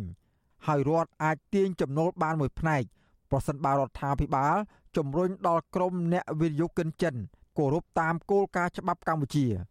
តែទោះបីយ៉ាងណាក្តីលោកលើកឡើងថាអាជីវកម្មឬសហគ្រាសមួយចំនួននៅក្នុងខេត្តប្រសេនុអាចនឹងមានទំនាក់ទំនងជាប្រព័ន្ធជាមួយនឹងក្រុមអ ுக ្រិតជន ដោយពួកគេមកធ្វើអាជីវកម្មមិនស្របច្បាប់ បាយការដែលយើងបានឃើញច្រើនមកការវិតម្លៃរបស់សារអាមេរិកជាដើមហ្នឹងគឺយើងឃើញប្រតិបត្តិការអាជីវកម្មរបស់ជនជាតិចិនឬក៏បរទេសជាច្រើននៅក្រុងប្រសេនុហ្នឹងមានការជាប់ពាក់ព័ន្ធទៅនឹងការលាងលុយកខ្វក់ការជួញដូរមនុស្សធ្វើចរាចរណ៍គ្រឿងញៀននៃជាដើមអញ្ចឹងផលវិបាកហ្នឹងអាចធ្វើឲ្យមានបញ្ហាអសន្តិសុខខេត្តប្រសេនុនឹងផងធ្វើឲ្យបញ្ហាតាក់ទងទៅនឹងអសន្តិសុខជាតិរបស់យើងផងដោយសារ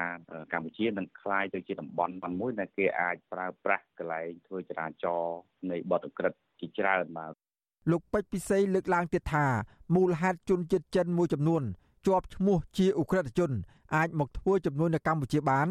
និងបង្កអសន្តិសុខសង្គមជាបន្តបន្ទាប់មកនេះដោយសារតែអ្នកអនុវត្តច្បាប់កម្ពុជា មានកម្រិតទាបព្រមទាំងមានអំពើពុករលួយជាប្រព័ន្ធលោកអះអាងថាក្នុងប្រទេសមួយដែលគ្មាននីតិរដ្ឋត្រឹមត្រូវនិងមានអំពើពុករលួយជាប្រព័ន្ធបែបនេះ និងបង្កលក្ខណៈងាយស្រួលសម្រាប់ក្រុមអ ுக ្រិតជនឲ្យរួចទោសពីសំណាញ់ច្បាប់យ៉ាងមានប្រសិទ្ធភាព របាយការណ៍រដ្ឋបាលខេត្តបរសេនុបង្ហាញថា ចាប់ពីឆ្នាំ2008ទុនវិនិយោគតំបន់សេដ្ឋកិច្ចពិសេសខេត្តបរសេនុនិងសហគ្រាសចូលមកធ្វើអាជីវកម្មសរុបប្រមាណជាង1000លានដុល្លារដោយឡែកកាលពីឆ្នាំ2021ទទំហំទឹកប្រាក់នាំចេញនិងនាំចូលនៃការវិនិយោគសរុបមានចំនួនជាង2000លានដុល្លារ ទោះបីយ៉ាងណា ក្រុមហ៊ុន អាគារសហគ្រាសមួយចំនួននៅក្នុងខេត្តនេះគេមើលឃើញថាគឺជាកន្លែងនៃក្រមអ ுக ្រិតជនសម្រាប់បង្ខាំងមនុស្សនិងជួញដូរមនុស្សរបាយការណ៍ស្ដីពីការជួញដូរមនុស្សឆ្នាំ2022របស់ក្រសួងការបរទេសសហរដ្ឋអាមេរិកចេញផ្សាយកាលពីខែកក្កដាបានទម្លាក់ចំណាត់ថ្នាក់កម្ពុជា មកកម្រិតទី3ដែលមានន័យថាស្ថានភាពនៃអំពើជួញដូរមនុស្សនៅកម្ពុជា មានលក្ខណៈអាក្រក់បំផុត និងពុំធ្លាប់មានចាប់តាំងពីឆ្នាំ2015មក សហរដ្ឋអាមេរិករកឃើញថាកម្ពុជាដើរថយក្រោយក្នុងការលុបបំបាត់ការជួញដូរមនុស្សនេះដោយសារតែមានអំពើពុករលួយជាប្រព័ន្ធដែលបានរារាំងដល់ការអនុវត្តច្បាប់លើក្រុមអ ுக ្រិតជន ដែលប្រព្រឹត្តនៅអំពើជួញដូរមនុស្សតកតោនឹងរឿងនេះស្នងការនគរបាលខេត្តបរសេនុលោកជួននរិន ប្រាប់បទសុអសីស្រីថាគិតត្រឹមពាក់កណ្ដាលខែមករានេះទេសចរចិន ឬអ្នកចំនួនចិនមិនទាន់ត្រឡប់មកក្រុងប្រសេនុនៅឡើយទេ លោកអះអាងថាសមត្ថកិច្ចនឹងបង្ក្រាបដោយគ្មានការលើកលែងឡើយចំពោះជនបរទេសណា ដែលល្មើសច្បាប់កម្ពុជានិងតែងតែបង្កអសន្តិសុខនៅក្នុងខេត្តបរសេនុ គណៈជាការឯកភាពរដ្ឋបាលផ្លាខេត្តក្នុងនាមស្នងការរបស់ខេត្តព្រះសីហនុជាយន្តការរបស់អធិកិច្ចដែលអ្វីដែលធ្វើគឺ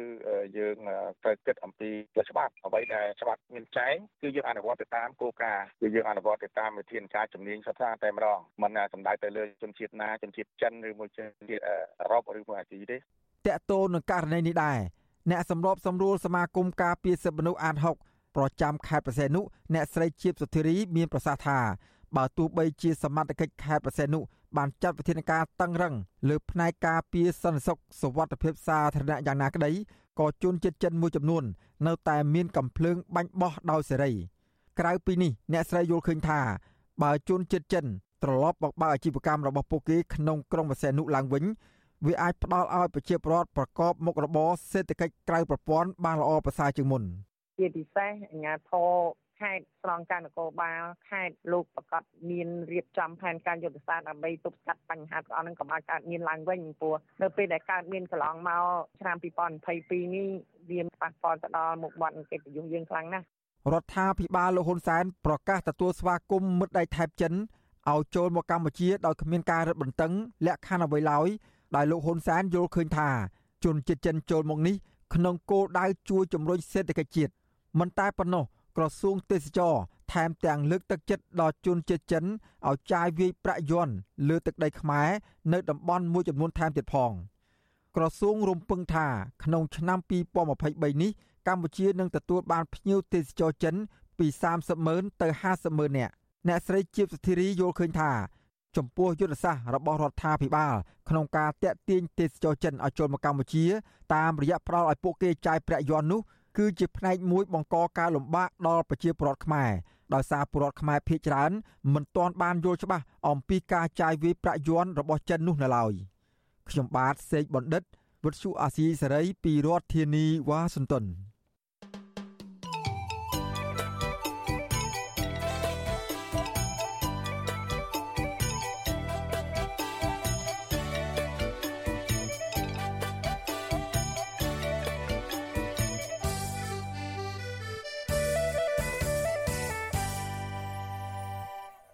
លោកណានៀងជាទីមេត្រីមន្ត្រីសង្គមស៊ីវិលពីរនាក់ទៀតបានចូលបំភ្លឺនៅស្នងការដ្ឋាននគរបាលរាជធានីភ្នំពេញ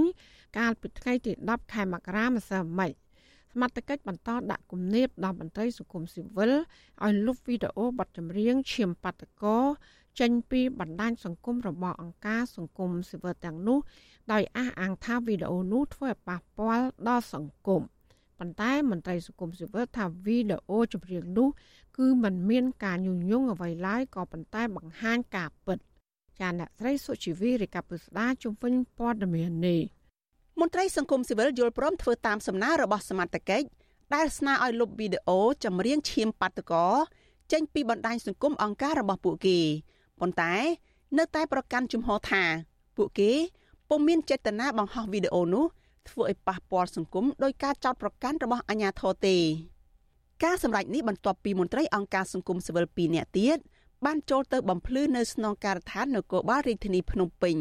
ក្នុងនោះរួមមាននាយកប្រតិបត្តិមជ្ឈមណ្ឌលសម្ព័ន្ធភាពការងារនិងសិទ្ធិមនុស្សហៅកាត់ថាសង្ត្រាល់លោកមឿនដុល្លារនិងប្រធានសមាគមប្រជាធិបតេយ្យឯករាជ្យនៃសេដ្ឋកិច្ចក្រៅប្រព័ន្ធលោកវុនពៅប្រធានអង្គការសង្ត្រាល់លោកមឿនដុល្លារ ឲ្យអ្នកសារព័ត៌មានដឹងនៅព្រឹកថ្ងៃទី10ខែមករាថាលោកបានប្រាប់សមត្ថកិច្ចពីគោលបំណងរបស់អង្គការសង្ត្រាល់ក្នុងការបង្ហោះនេះគឺដើម្បីប្រពខួបនៃការបង្ក្រាបបាតុករការស្នើសុំឲ្យមានការស៊ើបអង្កេតករណីបង្ហូរឈាមក្នុងការបង្ក្រាបដោយហិង្សា កាលពីថ្ងៃទី2និងថ្ងៃទី3ខែមករាឆ្នាំ2014និងបញ្ឈប់ការដោះស្រាយបញ្ហាដោយប្រើអំពើហិង្សាលោកអះអាងថាក្រុមអង្គការសង្គមស៊ីវិល គ្មានចេតនាបង្ហោះវីដេអូនេះធ្វើឲ្យប៉ះពាល់សង្គមដោយការចោទប្រកាន់របស់ក្រសួងវប្បធម៌និងវិចិត្រសិល្បៈនោះទេលោកមឿនដុល្លារប្រាប់ទៀតថាទោះមានការពន្យល់យ៉ាងណាក្តីក៏សមត្ថកិច្ចនៅតែស្នើសុំទៅលោកឲ្យលុបវីដេអូនេះចេញពីទំព័រ Facebook របស់អង្គការសង្ត្រាល់ដដែល ខ្ញុំបានជូនទៅខាងស្នងការដែរថាយើងនឹងខ្ញុំនឹងរាយការណ៍ជូនគណៈគ្រប់គ្រងស្ថាប័នស្នើក៏ដូចជាយើងធ្វើអ្វីធ្វើអ្វីដូចដៃគូរបស់យើងធ្វើអញ្ចឹងដូចលីកាដូគាត់សម្រេចអញ្ចឹងព្រោះបើសិនជាអាជ្ញាធរលោកយល់ថាអាហ្នឹងវាគិតថាមិនសមហើយគាត់សុំឲ្យយើងដកចេញយើងចារណាឬការដកចេញចំណែកប្រធានសមាគមប្រជាធិបតេយ្យឯករាជ្យនៃសេដ្ឋកិច្ចក្រៅប្រព័ន្ធលោកវ៉ុនពៅ ឲ្យដឹងក្រោយពីចេញពីបំភ្លឺនៅស្នងការដ្ឋាននគរបាលរាជធានីភ្នំពេញនៅរសៀលថ្ងៃទី10ខែមករាថាសមត្ថកិច្ចក៏បានស្នើទៅលោកឲ្យលុបវីដេអូចម្រៀងឈាមបាតុករចេញពីទំព័រ Facebook ផ្ទះសាមគ្គីដែរលោកវុនពៅបន្តថាភៀកគីខាងលោកយល់ព្រមលុបវីដេអូនោះទៅតាមការទៀមទារបស់សមត្ថកិច្ច យើងរស់នៅក្នុងបរិបទបែបនេះគឺវាបែបហ្នឹងឯងបាទអាហ្នឹងខ្ញុំសូមបញ្ជាក់ប៉ុណ្ណឹងបាទហើយយើងអ្នកធ្វើការសង្គមគឺសេចក្តីសុខក្នុងការបញ្ចេញមតិសេចក្តីសុខក្នុងការបង្ហាញពីឆន្ទៈផ្ទាល់ខ្លួនអាហ្នឹងសូមបញ្ជាក់អញ្ចឹងដោយសារយើងមិនចង់មានបញ្ហាអីតទៅទៀតយើងក៏សម្រេចឲ្យក្រុមការងារយើងយើងទៅជែកមួយក្រុមការងារដើម្បីពិចារណាក្នុងការលុបចេញពីគេហទំព័ររបស់យើងនៅក្រៅរបងស្នងការនគរបាលរាជធានីភ្នំពេញក៏មានការចូលរួមខ្លំមើលពីអង្គការសង្គមស៊ីវិល មានដូចជាបណ្ដាញយុវជនកម្ពុជា សមាគមធៀងថ្នោតអង្គការសង្ត្រាល់និងក្រុមអ្នកសារព័ត៌មានប្រមាណ30នាក់ក្នុងនោះប៉ូលីសពាក់ឯកសណ្ឋានផង និងស៊ីវិលផង បានមកថតរូបមន្ត្រីសង្គមស៊ីវិលនិងក្រុមយុវជន និងអ្នកសារព័ត៌មានដែលរងចាំឃ្លាំមើលផងដែរស្នងការនគរបាលរាជធានីភ្នំពេញបានកោះហៅមន្ត្រីអង្គការសង្គមស៊ីវិល4រូបឲ្យចូលទៅបំភ្លឺនៅការិយាល័យប្រឆាំងបទល្មើសបច្ចេកវិទ្យានៃស្នងការដ្ឋាននគរបាលរាជធានីភ្នំពេញ តាក់ទងនឹងការផ្សព្វផ្សាយបទចម្រៀងឈាមបាតកោដែលច្រៀងដោយយុវជនគៀសគុណវីដេអូនេះមានរយៈពេលជាង4នាទីរៀបរាប់ពីការបង្ក្រាបដ៏ហិង្សារបស់សមត្ថកិច្ចទៅលើក្រុមបាតកោដែលធ្វើបាតុកម្មទាមទារដំឡើងប្រាក់ខែកាលពីឆ្នាំ2014នាយកទទួលបន្ទុកកិច្ចការទូតនៃអង្គការ Liga do លោកអំសំអាត បានចូលទៅបំភ្លឺរួចហើយកាលពីថ្ងៃទី9ខែមករាម្សិលមិញក្រោយពេលដែលលោកអំសំអាតចូលទៅបំភ្លឺរួចហើយ អង្គការ Liga do សម្រាប់លុបវីដេអូចម្រៀងឈាមបាតកោនេះចេញពីគេហទំព័រនិងបណ្ដាញសង្គមរបស់ខ្លួននៅថ្ងៃទី10ខែមករាអង្គការ Liga do ឲ្យដឹងទៀតថាការសម្រេចចិត្តបែបនេះព្រោះដើម្បីជៀសវាងការទទួលរងនៅវិធានការផ្លូវច្បាប់លោកអំសម្បត្តិដោយវិទ្យុអាស៊ីសេរីដឹងបន្ថែមថាអង្គការ Liga do នៅតែប្រកាន់ជំហរដដែលថាវីដេអូចម្រៀងឈាមបាតកោដែលបានបង្ហោះនោះមិនមែនជាការញុះញង់អុចអាល់ ធ្វើឲ្យប៉ះពាល់ទៅដល់សន្តិសុខសង្គមទេលោកបន្តទៀតថាដើម្បីកុំឲ្យការបង្ហោះវីដេអូនេះរងការចោទប្រកាន់ពីសមត្ថកិច្ចដែលធ្វើឲ្យប៉ះពាល់ទៅដល់ការបំពេញការងាររបស់អង្គការ Liga do នៅក្នុងនាមជាស្ថាប័នលើកកម្ពស់ការគោរពសិទ្ធិមនុស្សទើបអង្គការ Liga do សម្រេចលុបវីដេអូបទចម្រៀងនោះវិញសោកស្ដាយដែរថា30ឆ្នាំហើយដែល Liga do យើងធ្វើការ ហើយនេះជាលើកទី1ដែលអាជ្ញាធរលោកបានចាត់វិធានការផ្លូវច្បាប់ទៅតាមការស្នើសុំរបស់ក្រសួងវប្បធម៌និងចិត្តសិល្បៈទៅលើបទចម្រៀងអមដោយរូបភាពមានចំណងជើងថាឈាមបាតកោនេះមកលើអង្គការលីកាដូនិងអង្គការសង្គមស៊ីវិលផ្សេងទៀតតកតងបញ្ហានេះវិទ្យុអាស៊ីសេរីមិនអាចសុំការអធិប្បាយណាមួយពីអ្នកនាំពាក្យស្នងការដ្ឋាននគរបាលរាជធានីភ្នំពេញលោកសានសុកសីហាបានទេ នៅថ្ងៃទី10ខែមករាការកោះហៅមន្ត្រីអង្គការសង្គមស៊ីវិលនៅពេលនេះគឺក្រោយពេលដែលរដ្ឋមន្ត្រីក្រសួងវប្បធម៌និងវិចិត្រសិល្បៈអ្នកស្រីភឿងសាកូណាបានចេញលិខិតកាលពីថ្ងៃទី6ខែមករាស្នើសុំទៅអគ្គស្នងការនគរបាលជាតិលោកណេតសាវឿនឲ្យចាត់វិធាននៃការចំពោះការផ្សព្វផ្សាយបទចម្រៀងដែលមានចំណងជើងថាឈាមបាតុកោអ្នកស្រីចោទប្រកាន់ថាបទចម្រៀងនេះមានខ្លឹមសារញុះញង់អាចបង្កជាអាសន្នទេសោកនិងសន្តិភាពធ្នាប់សង្គម ដោយឡែកប្រធានសហភាពសហជីពកម្ពុជានិងជាទីប្រឹក្សាសមាគមគ្រូបង្រៀនកម្ពុជាឯករាជ្យលោករងឈុនយល់ថាវិធានការរបស់សមត្ថកិច្ចក្រុងភ្នំពេញជាការគំរាមកំហែងបំផិតបំភ័យទៅលើអង្គការសង្គមស៊ីវិលអ្នកតស៊ូមតិរូបនេះយល់ថាការសម្រេចចិត្តរបស់អង្គការសង្គមស៊ីវិលនៅក្នុងការលុបចម្រៀងនេះគឺជាការបង្ខំចិត្តព្រោះរងការដាក់សម្ពាធរបស់សមត្ថកិច្ចលោករងឈុនយល់ថារដ្ឋាភិបាលមិនគួរបារម្ភពីបញ្ហានេះពេកទេ ចឹងហើយគាត់អត់មានជំរឿត្រូវលុបដោយបង្ខំចិត្តចឹងហើយដើម្បីសុវត្ថិភាពជៀសវាងថាប្រឈមទៅនឹងផ្លូវច្បាប់ហើយយើងកត់សម្គាល់ឃើញថាគ្រាន់តែបទចម្រៀងមួយបទមានបញ្ហាកើតឡើងអញ្ចឹងអនាគតកម្ពុជាយើងនឹងគឺលំហសេរីភាព បញ្ចេញមតិតាមបទចម្រៀងតាមអីហ្នឹងវាត្រូវបានបិទចិត្តឆឹងហើយប្រសិនបើគ្មានការប្រែប្រួលទេ ប្រធានសហព័ន្ធសហគមន៍កសិករកម្ពុជា លោកថេងសាវឿនគឺជាមន្ត្រីសិទ្ធិមនុស្សទី4ដែលនឹងចូលទៅបំភ្លឺនៅស្នងការដ្ឋាននគរបាលរាជធានីភ្នំពេញនៅថ្ងៃទី11ខែមករាតាក់ទងនៅរឿងនេះអង្គការលីកាដូអំពាវនាវដល់អាជ្ញាធរថាគួរគោរពសេរីភាពនៅក្នុងការបញ្ចេញមតិរបស់ពលរដ្ឋសកម្មជនសិល្បករសិល្បករនីនិងបុគ្គលិកអង្គការសង្គមស៊ីវិលនិងបើកការស៊ើបអង្កេតដោយឯករាជ្យទៅលើករណីអំពើហិង្សា ការស្លាប់ និងការបាត់ខ្លួនបាតុករកាលពីថ្ងៃទី3ខែមករាឆ្នាំ2014នាងខ្ញុំសុជីវី Vithu Azizi Serai ពីរដ្ឋធានី Washington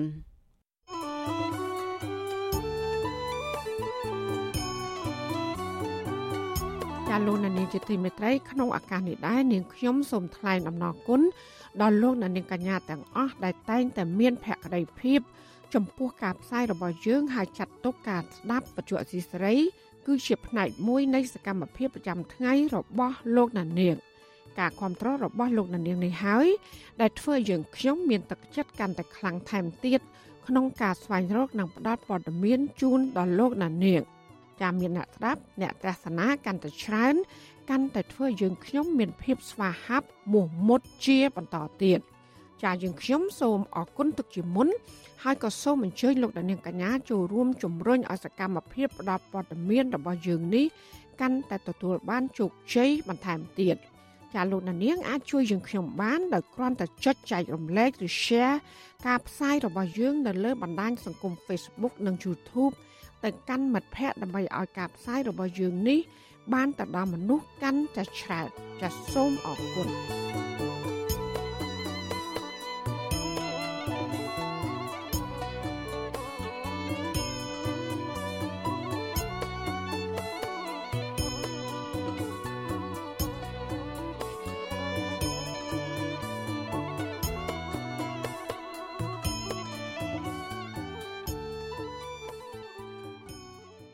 ចាលោកនានីជាទីមេត្រីពាក់ព័ន្ធនឹងសពកម្មលអិតវិញ កម្មករដែលកំពុងធ្វើការក្នុងសពកម្មលអិតនៅឯភូមិក្អមស្រុកមុខកំពូលខេត្តកណ្ដាលត្អូញត្អែអំពីបញ្ហាជីវភាពខ្វះខាតដោយសារតែធ្វើការងារទាំងគ្រួសារហើយរកប្រាក់មិនគ្រប់ដោះស្រាយជីវភាពគ្រួសារចាមន្ត្រីសង្គមស៊ីវិលថាកម្មករលអិតធ្វើការងារធ្ងន់និងគ្រោះថ្នាក់ ហើយប្រាក់ឈ្នួលដែលពួកគេបានទទួលគឺតិចតួចមិនស្មើនឹងកម្លាំងពលកម្មនោះឡើយចាសសូមលោកដានៀងស្ដាប់សេចក្តីរាយការណ៍ពិស្ដាររបស់លោកលេងម៉ាលីជុំវិញស្ថានភាពដ៏លំបាករបស់កម្មករលអិតទាំងនោះដូចតទៅកម្មករលអិតនៅឃុំរស័យជ្រោយខេត្តកណ្ដាលត្អូញត្អែថាពួកគាត់ខិតខំធ្វើការជាច្រើនឆ្នាំមកហើយនៅតែមិនទាន់មានជីវភាពធូរធារនិងមិនអាចផ្គត់ផ្គង់កូនកូនឲ្យរៀនសូត្របានគ្រប់គ្រាន់ កម្មការនីម្នាក់មកពីខេត្តស្វាយរៀងនិងកំពុងធ្វើការនៅការដ្ឋានលអិតខេត្តកណ្ដាលលោកស្រីហ៊ីសាមៀនរៀបរាប់ថាលោកស្រីធ្វើការប្រឈមនឹងគ្រោះថ្នាក់ដូចជាប៉ះចំចំហាយក្តៅខ្លាំងធូលីហុយពិបាកដកដង្ហើម និងលអិតបាក់ស្រុតជាដើម តែដោយមិនអាចរកមុខរបរផ្សេងក្រៅពីការងារនេះបានទើបស៊ូទ្រាំធ្វើការនៅទីនេះទាំងគ្រួសារលោកស្រីបន្តថាលោកស្រីនិងប្តីរបស់លោកស្រីត្រូវប្រឹងធ្វើការចិញ្ចឹមកូន2នាក់ និងក្មួយម្នាក់ដែលកំពុងរៀននៅថ្នាក់វិទ្យាល័យលោកស្រីបញ្ជាក់ថាទោះបីលោកស្រីខំធ្វើការយ៉ាងណាក៏ដោយក៏ជីវភាពនៅតែខ្វះខាតព្រោះប្រាក់ចំណូលតិចមួយថ្ងៃបានជាង10000រៀលមិនគ្រប់បង់ថ្លៃសាលាឲ្យកូន និងចាយវាយប្រចាំថ្ងៃនោះទេលោកស្រីស្នើសុំក្រសួងការងារឲ្យងាកមកមើលទុកលំបាករបស់កម្មករលអិតនិងដំឡើងប្រាក់ឈ្នួលដល់អ្នកធ្វើការងារក្នុងផ្នែកនេះឲ្យបានសមរម្យ បើអត់មានលុយចាយទេថ្ងៃហ្នឹងខ្ញុំអត់មានលុយសោះអញ្ចឹងខ្ញុំសុំស្នើពើឲ្យក្រសួងពាក់ព័ន្ធនិងក្រសួងការងារហ្នឹងសុំឲ្យចុះមកមើលកម្មករអត់សុំតំណាងប្រាក់ឈ្នួលកម្មករអត់គ្រប់គ្រប់គ្នាឲ្យពួកខ្ញុំពិបាកអាពិបាកមែនតើមិនពិបាកតែខ្ញុំប៉ុន្តែគាត់ថាបងបងខ្លះគាត់ពិបាកដែរតែគាត់អាចដោះស្រាយបានគាត់ពីណាគាត់ពាក់តែលុយលទេហើយកូនគាត់អត់សឹកបានទៅរៀនទេហើយខ្ញុំទៅនំពរថាបើសិនជាអាចខ្ញុំសុំទៅនំពរឲ្យមានអង្គការអីមានគ្រូអីចូលរៀនក្មេងតាមលផងពួកគ្រូសាខ្លះគាត់អត់មានឲ្យកូនទៅរៀនទេពួកគាត់អត់មានលទ្ធភាពពីណាទៅឲ្យទៅរៀនទៅគ្មានណាមើលកូនទូចអីចឹងលោកស្រីហ៊ីសមានឲ្យដឹងទៀតថាលោកស្រីធ្វើការងារដោយមិនហ៊ានឈប់សម្រាកទេទោះជាមានផ្ទៃពោះក៏ដោយព្រោះតម្រូវការចាយវាយប្រចាំថ្ងៃច្រើនលោកស្រីនិយាយទាំងអួលដាំកថាពេលខ្លះលោកស្រីពុំមានលុយឲ្យកូនទៅរៀនឬទិញសៀវភៅសិក្សារបស់កូននោះទេ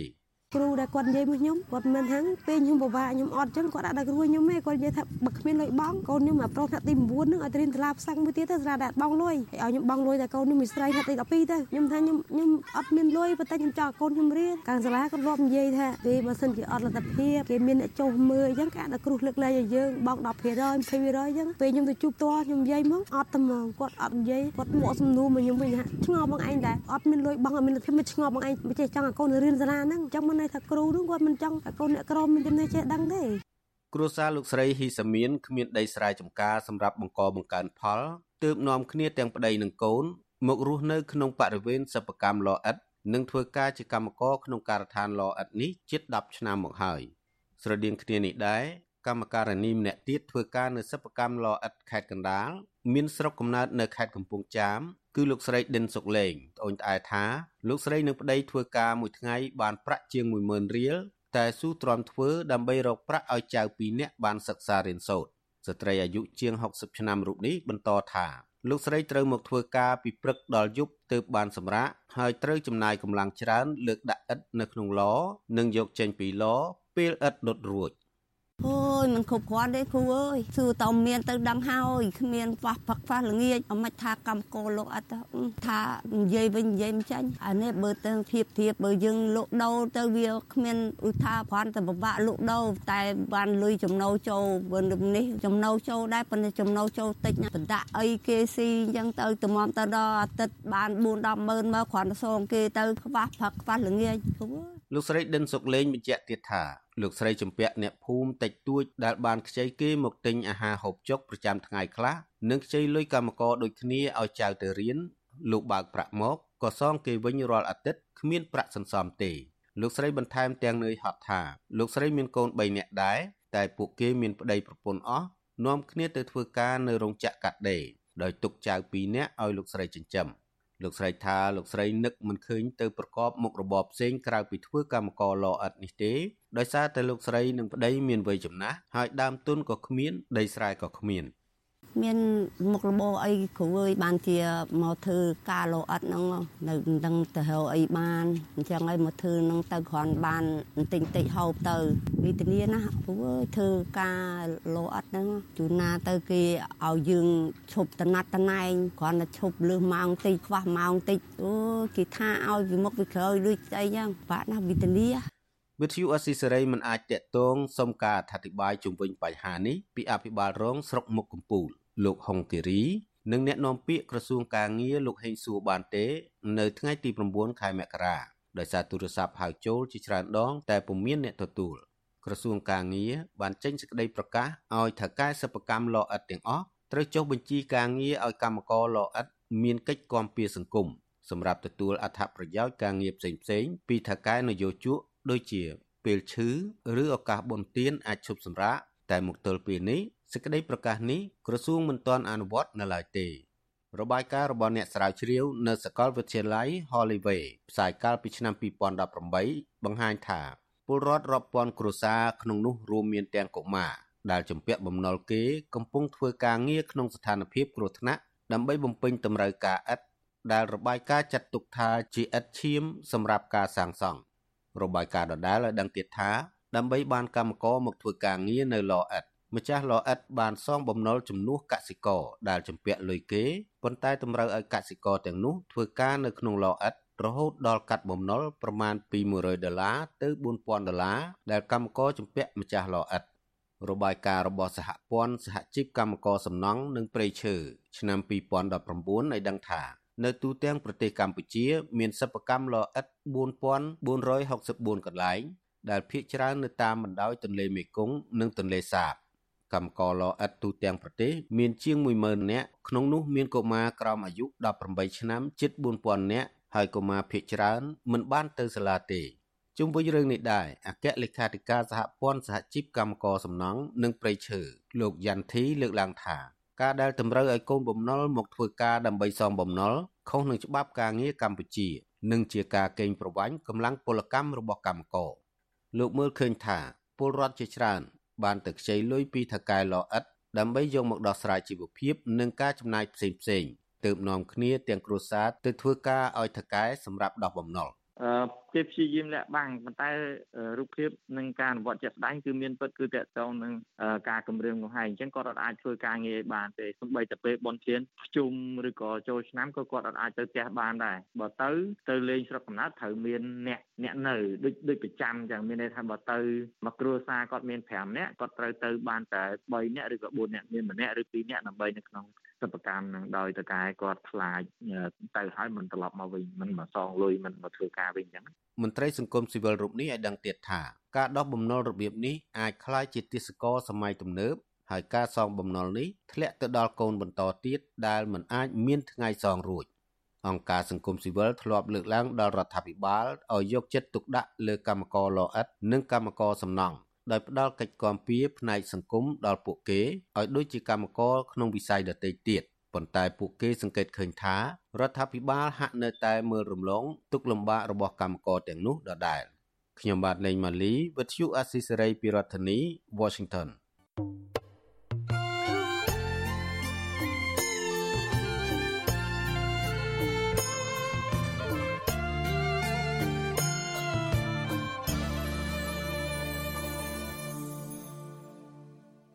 ចាលោកលានកញ្ញាអ្នកស្ដាប់ជាទីមេត្រីការផ្សាយរយៈពេល1ម៉ោងរបស់វិទ្យុអាស៊ីស្រីជាភាសាខ្មែរនៅពេលនេះចាប់តែប៉ុណ្ណេះ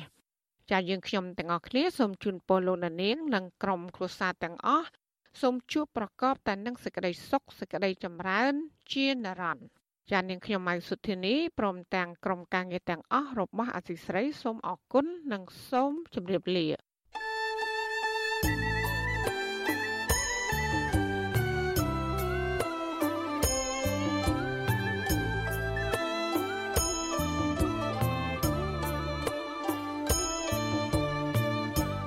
វិទ្យុអេស៊ីសរ៉ៃផ្សាយតាមរលក ធារកាសខ្លីឬ shortwave តាមកម្រិតនិងកម្ពស់ដូចតទៅនេះ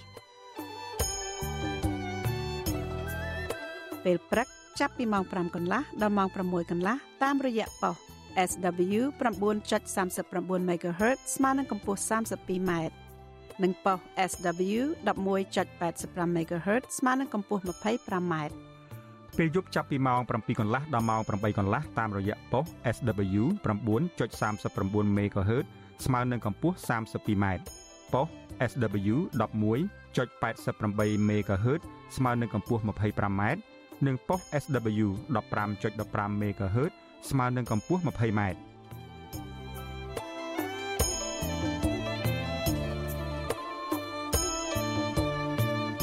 លោកអ្នកនាងក៏អាចស្ដាប់ការផ្សាយផ្ទាល់តាមប្រព័ន្ធអ៊ីនធឺណិតដោយចូលទៅកាន់គេហទំព័រ www.rfa.org/ ខ្មែរក្រៅពីនេះលោកអ្នកនាងក៏អាចអាននិងទស្សនាព័ត៌មានវិទ្យុអេស៊ីសេរីលើទូរស័ព្ទដៃរបស់លោកអ្នកផ្ទាល់សូមលោកអ្នកនាង ចូលទៅកាន់កម្មវិធី Facebook រួចស្វែងរកពាក្យ RFA ខ្មែរនិង YouTube ដោយស្វែងរកពាក្យ RFA ខ្មែរ សូមលោកអ្នកនាងចុច like និងចុច subscribe ដើម្បីទទួលបានព័ត៌មានថ្មីៗបានហេតុការនិងទស្សនាវីដេអូផ្សេងៗទៀតបានគ្រប់ពេលវេលា។